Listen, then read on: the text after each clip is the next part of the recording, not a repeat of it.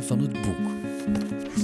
Hallo en welkom bij een nieuwe aflevering van de Bende van het Boek. Ja, Trace, ik zou zeggen, vandaag hebben we het over dat thema, maar dat gaat niet. We hebben het over boeken. Ja, En dat zal genoeg moeten zijn voor iedereen. nee, sorry, dat was echt heel onvriendelijk van mij. We hebben gewoon echt vier heel verschillende boeken mee. ja, En soms mag dat een keer. ja. Eh, er zal sowieso iets in zitten voor u, ehm, waar je ook zin in hebt, behalve als je zin hebt in een non-fictieboek of poëzie, want dat hebben we niet mee. Nee, klopt. Maar we gaan er gewoon invliegen, hè. Top. Go. Doen we. Ik ga beginnen met gewoon het boek dat van boven ligt. Soms moet je een keer gewoon beginnen met het boek dat van boven We ligt. moeten er niet altijd te veel aan achter zoeken. Nee, voilà. En dat is, ik vind het zelf een heel mooi boekje. Ja, Het is Pachinko Hall van Elisa Choua Dusapin. denk en er staat een katje op. Er staat zo inderdaad zo'n... Ik denk, is dat dan Chinees? Ik lees het zelf van Korea, dus het is Ja, in Japan hebben ze altijd ook zo'n katjes. En het speelt zich af in Japan. Dat is zo'n Japans katje. Ja, weet zo in met Die zo'n zo met zijn pootje. Dat, ja. Is dat een gelukskatje zeker? Of Ja, zoiets? Zoiets ja. Eh, maar je hebt ook zoveel geel en oranje krullewietjes. En dan zo twee manen, precies. Ja. Dus het is veel kleurtjes. Voilà. Ik ga eerst iets vertellen over Elisa zelf. Zij is geboren in 1992, Dries. Shit, die is jonger dan ons. Yep, het is behost. Eh, Ik heb ook nog een boek van iemand die jonger is dan ons. Echt? Maar ook wel van iemand die ouder is, dus Ah, ja. het is oké. dus Elisa is zelf Frans-Koreaans. Mhm. Ze is opgegroeid in Parijs, Seoul en Zwitserland. Dus ze is een beetje van alle markten thuis. En haar debuutroman, dus Trace, dit is haar tweede boek. Shit. Ja. En haar debuutroman Winter in Sokcho, denk ik. Eh, Sokcho? Sokcho. Weet het niet. Sok, Sok, ken het niet. Sokcho, Sokcho. Heeft een aantal prijzen ook gewonnen, waaronder de Prix Robert Walser, maar ook de National Book Award uit 2021 voor Translated Literature. En zeer veel, boeken, zeer veel landen liever verkocht. Dus Elisa is vrij goed bezig. Ja. Voilà. Maar goed, waarover gaat Pachinko Hall? Eh, we zijn in Tokio. Niet Daar zijn we wel graag, hè. We zijn daar graag. En ons hoofdpersonage heet Claire. En dat zegt al onmiddellijk iets over de gelijkenis tussen de schrijfster. Zij heet Elisa.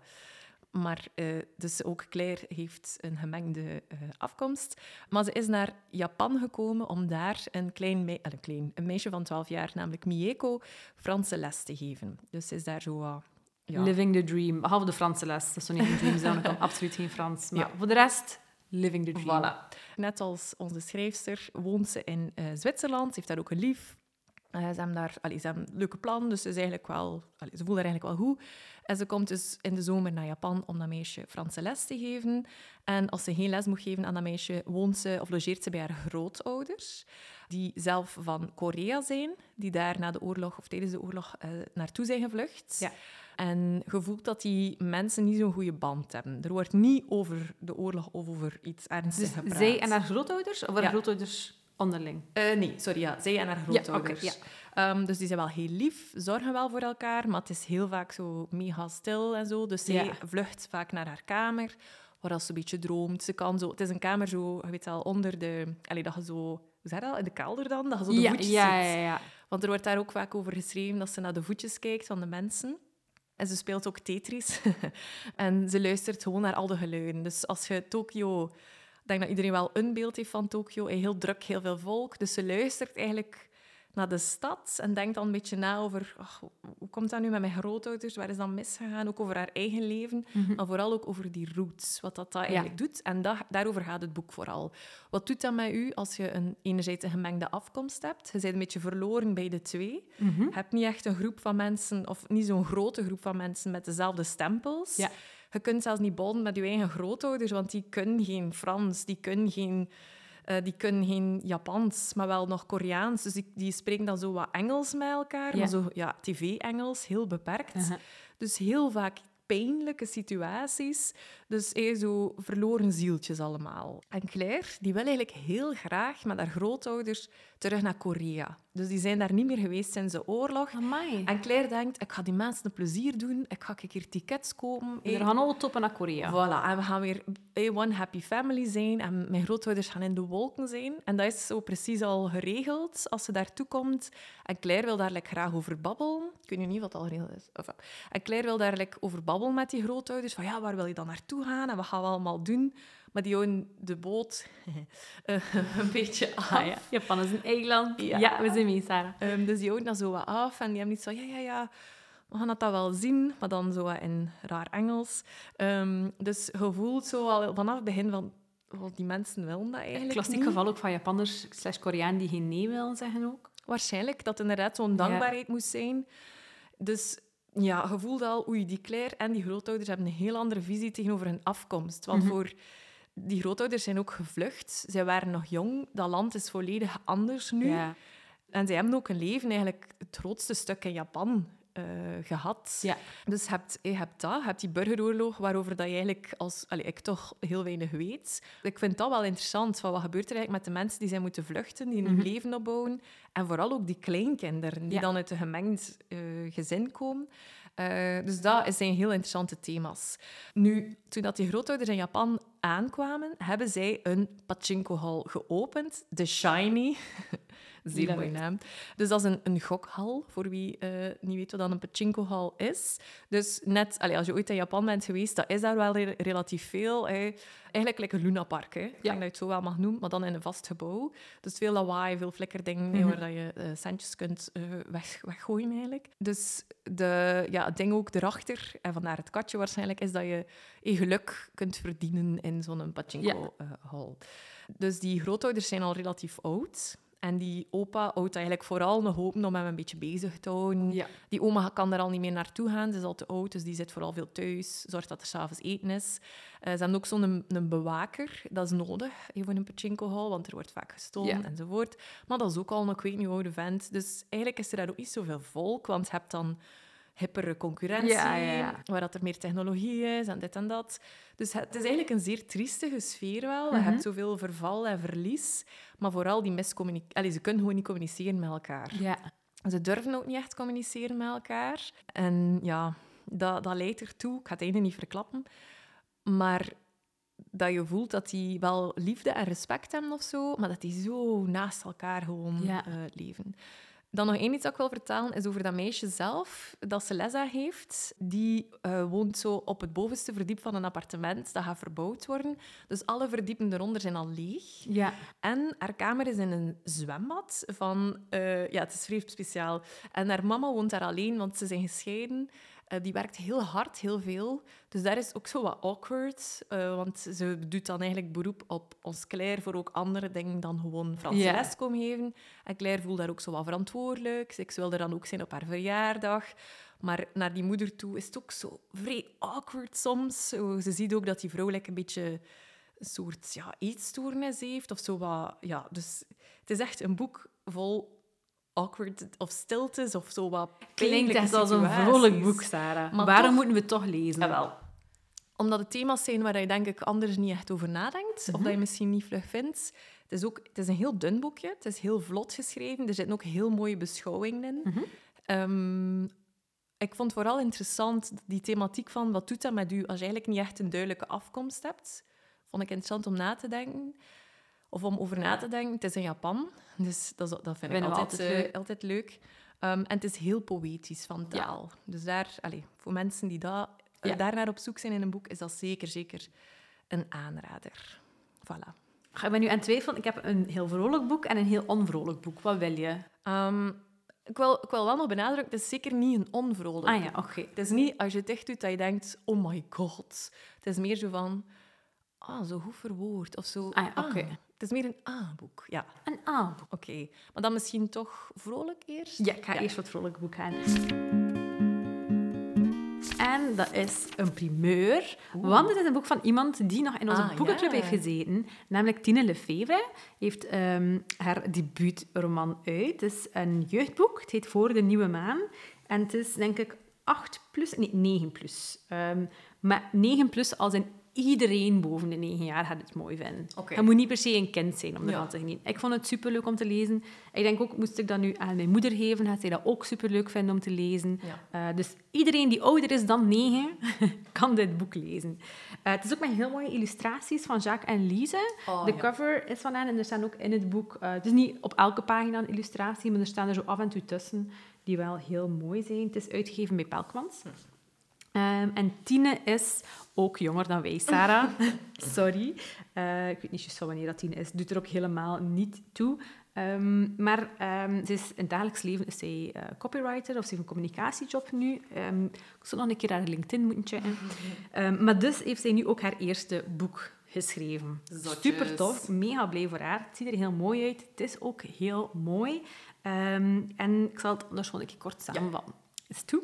Eh, het gaat over Boris. Dat is een jongen. Ik denk Boris is denk ook negen of tien of zo. Dat weet ik nu niet meer helemaal zeker. En die woont op een eiland dat zijn ouders gebouwd hebben. In het Zondermeer. Dus met zijn mama en zijn papa. En ook zijn hond. Nu, vanaf dat iets over een hond gaat, hebben mij al gewoon... Want ben een dog person. Eh, en zijn hond heet Vrijdag. Mwah. Vind ik leuk. Mooi.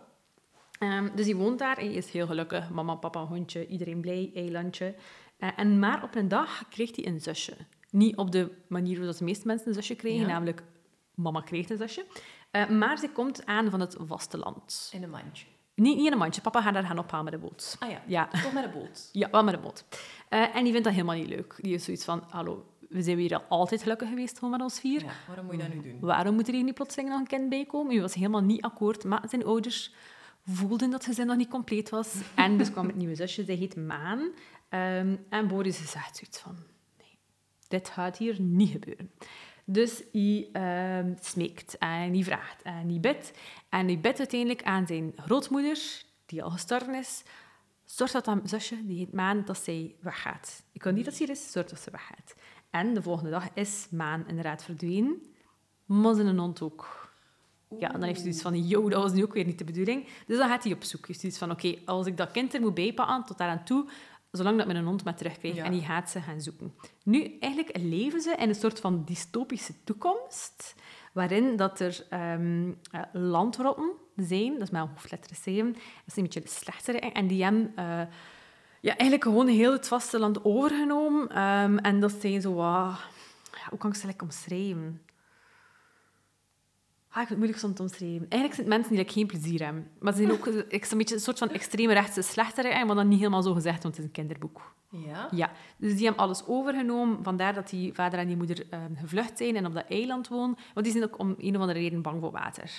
Maar het is wel heel mooi beschreven. Eh, ze beschrijft ook... ehm, ze heeft echt een hele wereld opgebouwd, wat ik super tof vind. Het is heel, heel mooi gedaan. En ze beschrijft hoe dat eh, die vader en die moeder vroeger zelf met mama en papa gevlucht zijn, toen dat die landrotten alles overnamen en de steden. En dan zijn ze zo in het bos gaan wonen en hebben ze zelf een huis gebouwd en al. En ik vind het altijd vrij leuk om zo'n ding te... Like, weet je wel, vroeger had je dan zo de vrijdagavond zo van die, van die familiefilms, waarin dat mensen aanspoelden op een onbewoond eiland en dan Ja. zo'n heel huis maakten. Dat je dacht van, no way dat je dat geshort hebt, maar oké. Ehm, zo'n beetje dat sfeertje. Ja? Vind ik superleuk. Ehm, dus die zijn gevlucht voor die landrotten. En nu moet eh, onze Boris van dat eiland om op zoek te gaan naar zijn nieuwe zusje en zijn hond. En dan komt hij onderweg van alles tegen, allemaal nieuwe personages. En op een of andere manier raakt hij ervan overtuigd dat Vrijdag en Maan op de maan zitten. Like, De maan, maan, de maan, maan, maan. Maar het is bijna nieuwe maan. Oei. En die denkt, als het nieuwe maan is, is de maan helemaal weg en dan vallen ze ervan af. Dus dan moeten ze een plan bedenken hoe dat ze ze in like, twee of drie dagen tijd daarvan kunnen halen. En je denkt de hele tijd... Allee, het is met wel willing suspension of disbelief, maar meestal ben ik wel willing om mijn Ja, disbelief te... ja, om whatever te disbelieven. om te, om te believen eh, en mijn disbelief aan de kant te zetten. Ehm, het is ook gewoon zo mooi geschreven. Het is, je zit echt helemaal mee. En soms denk je, ik weet like niet, wat is de echte wereld Ja. dat dit beschrijft? Want het is natuurlijk geschreven vanuit dat jongetje.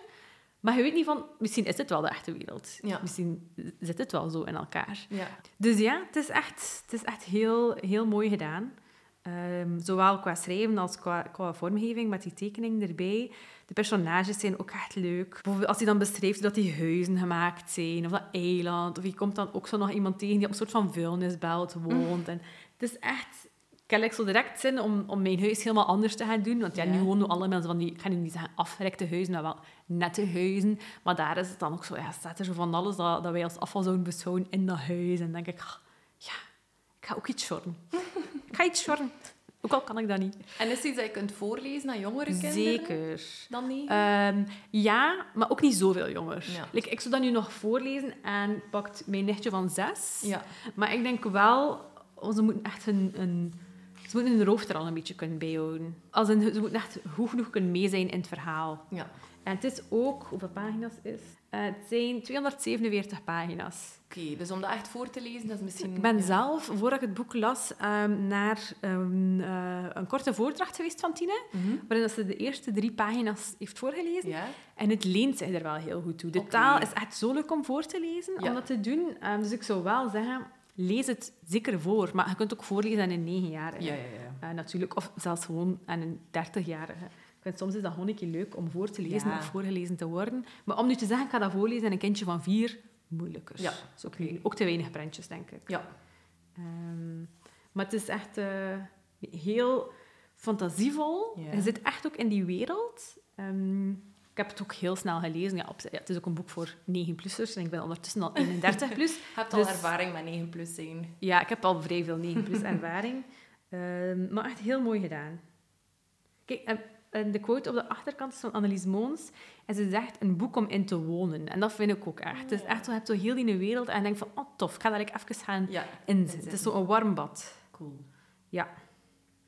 Aanrader. Dus Voor de Nieuwe Maan van Tine Lefevre. Heeft ook iets met fantasie te maken. Mhm.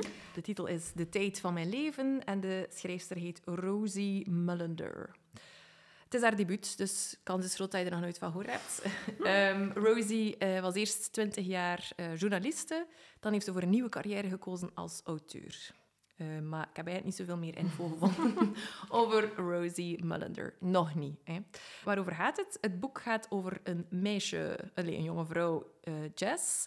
En eh, wat gebeurt er? Ze komt vast te zitten in een time loop. Dus Shit. Ze, wordt, ze heeft de vrijdag de 13e letterlijk meegemaakt. En alles uiteraard gaat mis, want het is vrijdag de 13e. Er, eh, er gebeurt iets op haar werk, waardoor dat ze haar job kwijtraakt. Haar relatie gaat ook stuk. En haar huis ook nog een keer. Op één dag. Op één dag. Eh, Dat is en haar- kut. Ze heeft één beste vriendin en die vers- Allee, er is daar ook een misverstand waardoor dat ze ruzie hebben. Dus het is echt geen toffe dag. En Ja. dan zit ze dus vast in die vrijdag de 13e. Ze blijft maar wakker worden op die vrijdag de 13e. Dus wat doet ze? Hé, in het begin heeft ze iets van... Ah, maar wacht een keer. Ik moet gewoon achterhalen hoe dat ik in slaap ben gevallen of zo. Of heb ik een ongeluk gehad? Ik moet dat gewoon nog een keer opnieuw opzoeken. En dan ga ik wakker worden de 14e. Het is hier gewoon iets misgegaan. Maar waarschijnlijk aangereden. Dus ze probeert dat zo wat... te, ehm, zeg dat, eh, te ja, herbeleven of zo. Ja. En ze heeft iets van, chill, kom in orde. Het is gewoon even een Hilarisch dat dat haar reactie is. Chill, kom in orde. Het zit even zoals in een time loop. Dit is gewoon een foutje in het systeem. Maar eerst is ze natuurlijk in paniek. Ah ja, Als oké. ze denkt dan, dat is het. Maar dat is niet waar. hè. Dus ze blijft heel lang die vrijdag de 13e opnieuw beleven.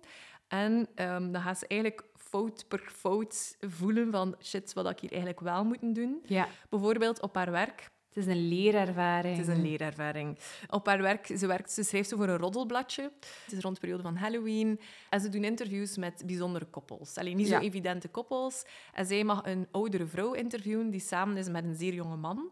Ehm, en zij gaat dat interview gaan doen en, zij heeft iets, en die, die oudere mevrouw gaat even naar de keuken, koffiekoekjes gaan halen en die vent begint keihard met haar te flirten en geeft eigenlijk toe dat het over het geld is van die vrouw. En zij wil dat like, vertellen aan die mevrouw, want zij heeft iets van, dat klopt, Allee, dat is hier super erg, die mevrouw is hier super verliefd en die wordt gewoon in het zak gezet door een jongere kerel. En, eh, maar ze durft dat niet zeggen op het moment zelf. En ze stuurt gewoon een mailtje naar een collega. Maar dan blijkt dat ze het per ongeluk naar die vrouw zelf heeft gestuurd. Waardoor dat, dat interview niet doorgaat. Escalatie, escalatie. Want die oudere vrouw leest pas die mail als ze al de dag erna, dus de dertiende dan, op het bureau is van die krant of van dat magazine. Omdat ze daar een fotoshoot ging doen van al die koppels in Halloween-kostuums. Dus ze wordt dan op staande voet ontslaan, want door haar eh, kan die shoot niet doorgaan, Ja, enzovoort, ja, ja. enzovoort. Dus dat is iets dat ze wel oplossen. Ze wil die vrouwelijk helpen, maar ze wil ook zo... Ze wil op een goede manier doen. Ja, voilà. Maar ze begint daar dan ook vragen te stellen over... Wil ik eigenlijk wel voor zo'n magazine werken als dat zo de ethiek is? Want het is belangrijker dat onze interviews goed zijn en dat onze, allee, de personages, whatever. Mhm. Dus dan gaat ze daar zo op zoek naar wie en wat wil ik zijn en dat en dat, dat. Dat is het gemakkelijkste. En dan, eh, dus je leert haar eerst kennen als een... Bah, ik, leef mijn le- ik, leef, ik leef mijn leven. eh, ik ben jong, ik, ik eh, feest, ik werk voor een magazine. En ze wil ook Je nog drinkt lattes met havermeel. sowieso. rozeetjes enzovoort. En ze heeft eigenlijk twee affaires. Dus ze is samen met zo wat een duidelijke afgesproken... Wij, wij doen iets met elkaar, gewoon voor het fysieke. Ja. En dat is oké, voor alle twee. Eh, maar dan is er ook een kerel die duidelijk iets voor haar voelt, waar dat ze echt mee date. Ja. En dat zij iets heeft van, ja, ja, we zien wel, maar ja, ik ben toch niet op zoek naar iets Oei, echt. en hij is wel echt invested. Ja.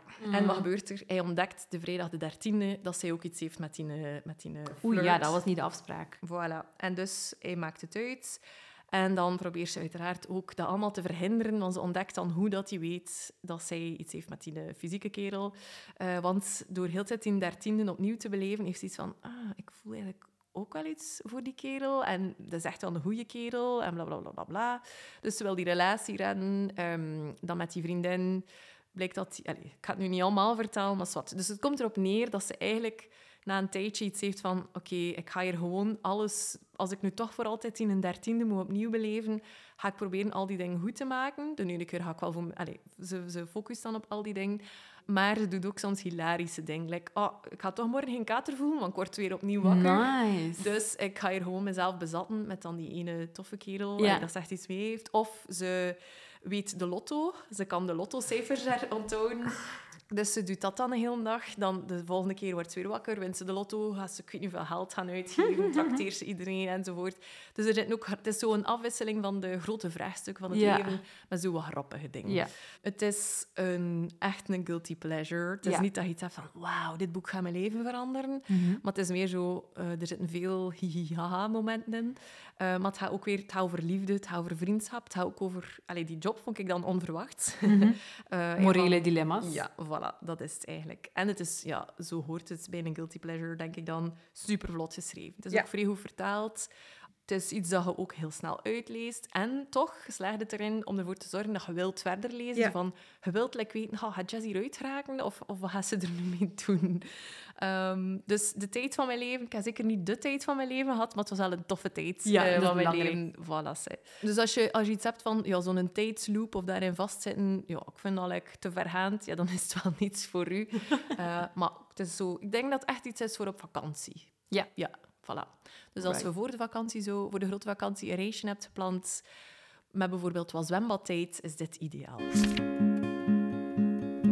Mijn boek dat ik nog mee heb, is echt absoluut het omgekeerde daarvan. Het is bleek, het is donker. ehm, het is De Verre Voortijd van Sebastian Barry. Eh, Sebastian Barry, voor wie het hem niet kent, is een Ier. Ehm, ik ben al heel lyrisch geweest Ja. over zijn boek ehm, Days Without End. En dat was deel van een soort van reeks eigenlijk over een Ierse jongen die eh emigreert naar Amerika en daar dan zo wel cowboy is, maar dan ook in de burgeroorlog vecht, dan verlie- eigenlijk verliefd is op een man.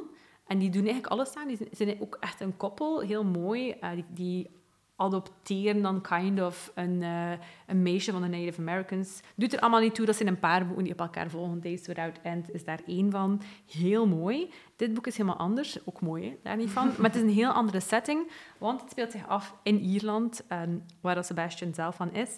Ehm, het speelt zich af in het nu en het gaat eigenlijk over één, eh, op de achterkant staat er, een van de zwartste bladzijden uit de Ierse geschiedenis. Het gaat niet over patatten. Moest je denken dat het daarover gaat. Nee, dat is eigenlijk weer een Days Without End, want dat is de reden dat hij migreert, denk ik. Daar. Doet er helemaal niet toe. Het gaat over een politieman, Tom Kettle, dat ik een grappige naam vond. Ik vond dat Ja. echt zo iets voor ik zo een... Zo, weet je wel, like Pieter Post, Ja, Tom ja, Kettle.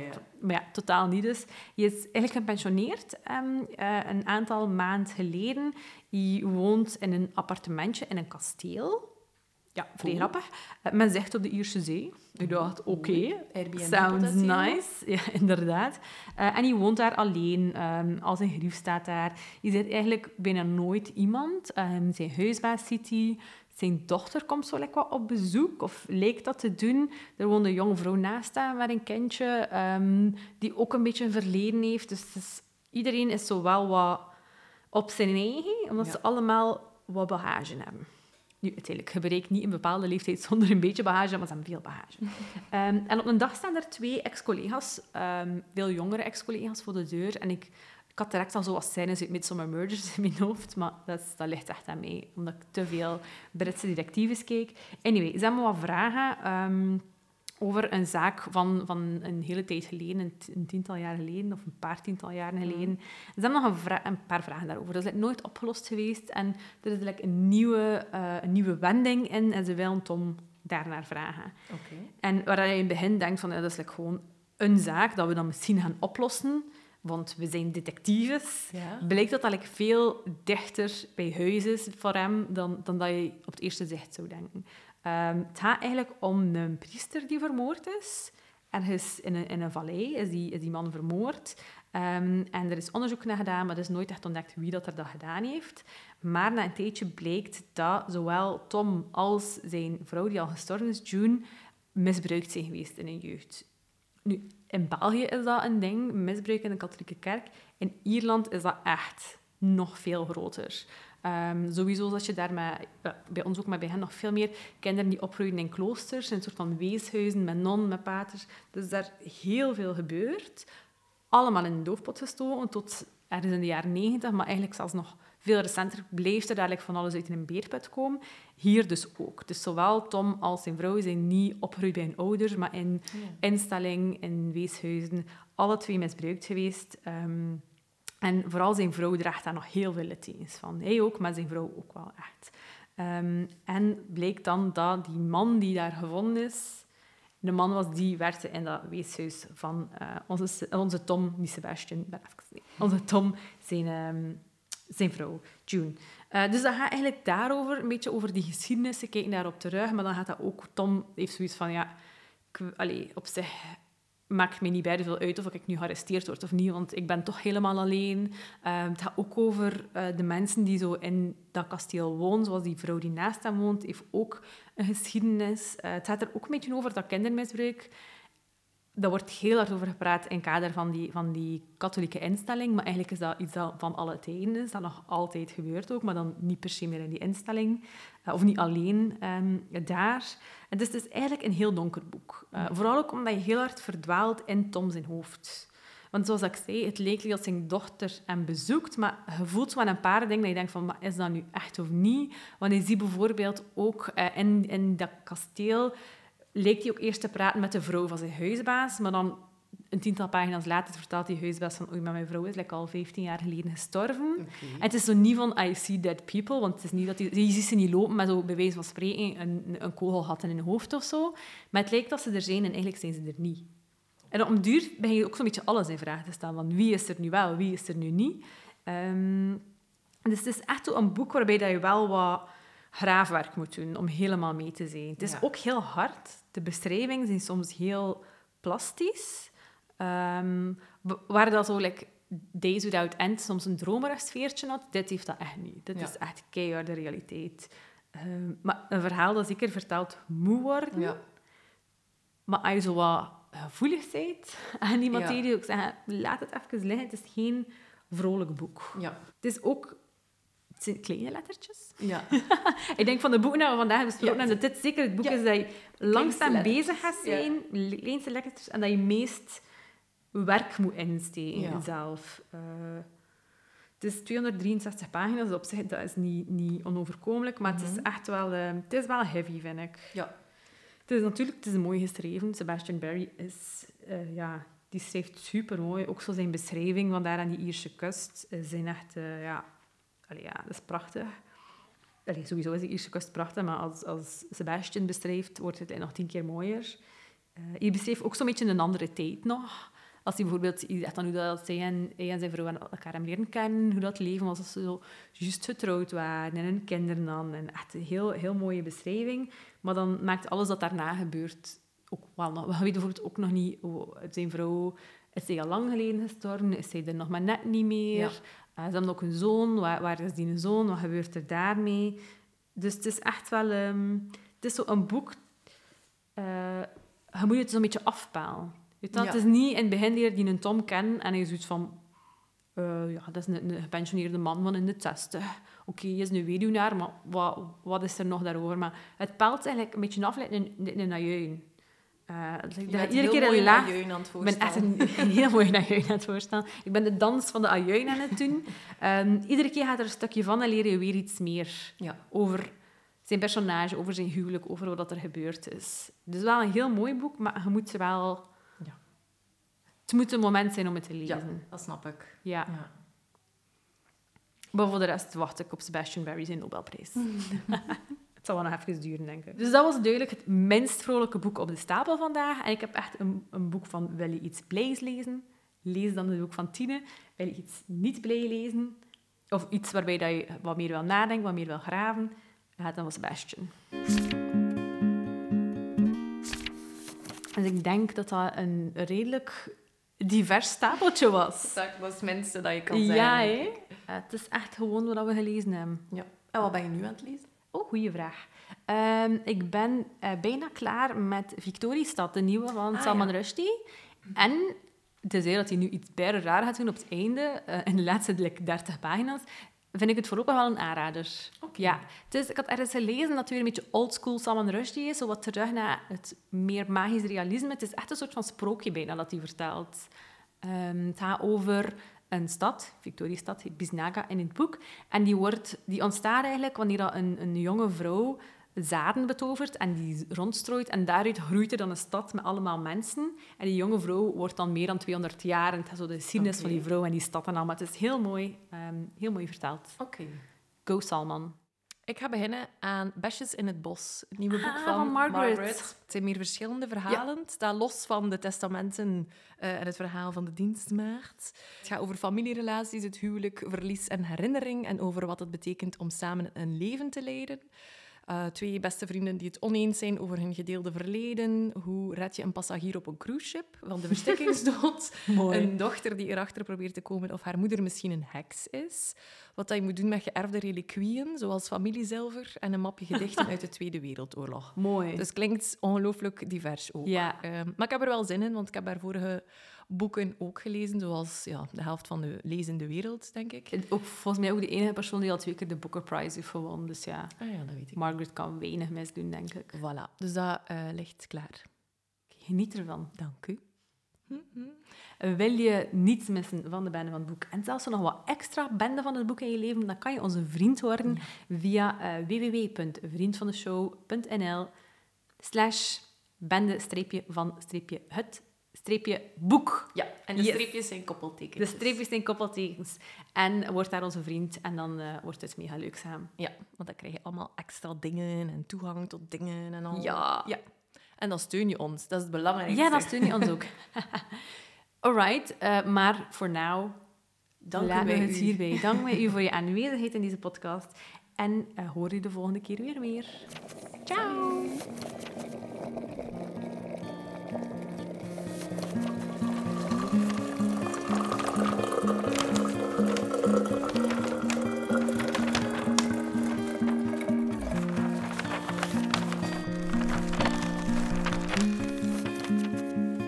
Van het boek.